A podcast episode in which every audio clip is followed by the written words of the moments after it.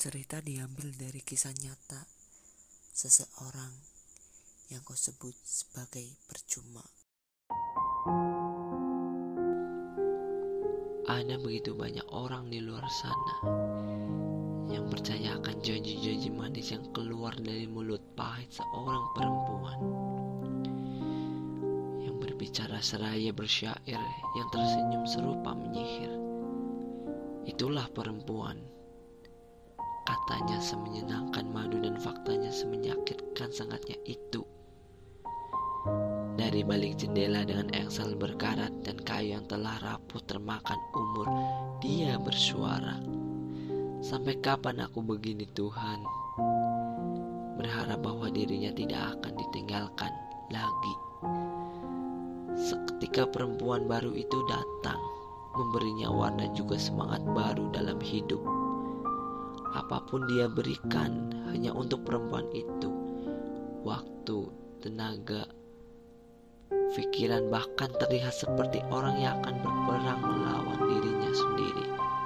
Berdarah-darah pun ia mau asal demi wanita itu.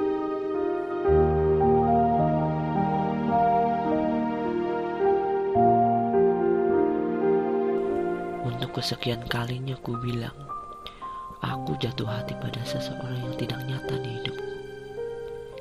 Iya, salahku memang lebih mencintai seseorang dari dunia virtual dan bukan kehidupan nyata yang selalu berujung pada gagal dan kecewa.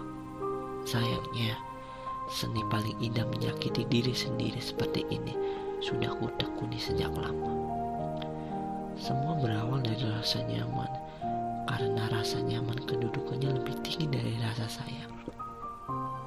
Kamu bisa mengatakan dan mengungkapkan rasa sayang ke seribu orang, namun pada akhirnya hanya satu orang yang mampu menumbuhkan rasa nyaman.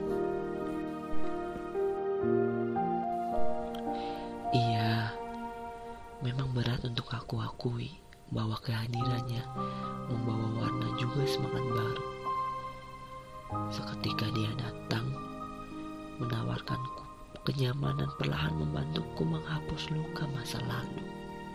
Aku tidak pernah sebahagia ini di situasi yang baru menemukan orang yang baru dengan penuh sukacita yang tanpa aku sadari dialah si pembuat luka terbesar. Sampai saat ini pun luka masih menganga.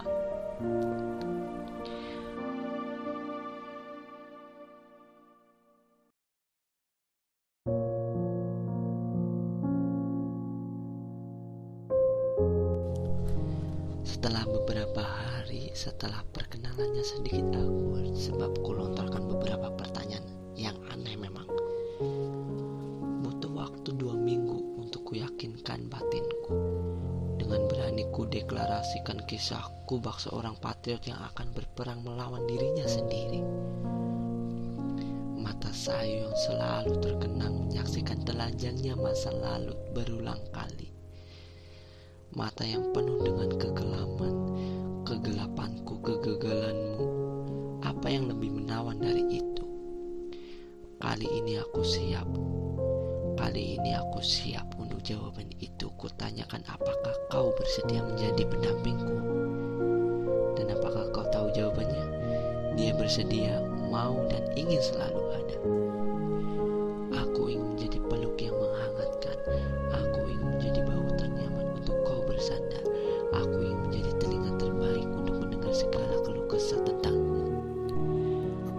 Aku ingin menjadi tangan terlembut untuk kau genggam. Aku tak pernah ada dalam situasi sebahagia ini. Ku ceritakan dia ke semua orang, ku banggakan dia di Instagram sampai beberapa hati patah karenanya. Kita saling mengikat janji dengan dalih, aku tidak akan meninggalkanmu. Jika kau tidak ada niatan untuk meninggalkanku, apakah kau bercanda? Itu adalah kisah yang harusnya berakhir dengan bahagia, bukan? Namun sayangnya, aku bahkan salah mengira. Kisah ini berakhir setelah tiga minggu janji itu dibuat. Aku yang tak tahu atau kau yang pura-pura tak tahu. Dia terlalu cepat untuk ada di situasi bosan. Masih menyayangkan perpisahan itu, dan biarlah di dalamnya aku disekap oleh rona manis pipi teman rindu berkecambuk. Di dalam kepala ada reka-reka yang ujungnya selalu siksa. Pada diam ia kalah mengalah ia pasrah.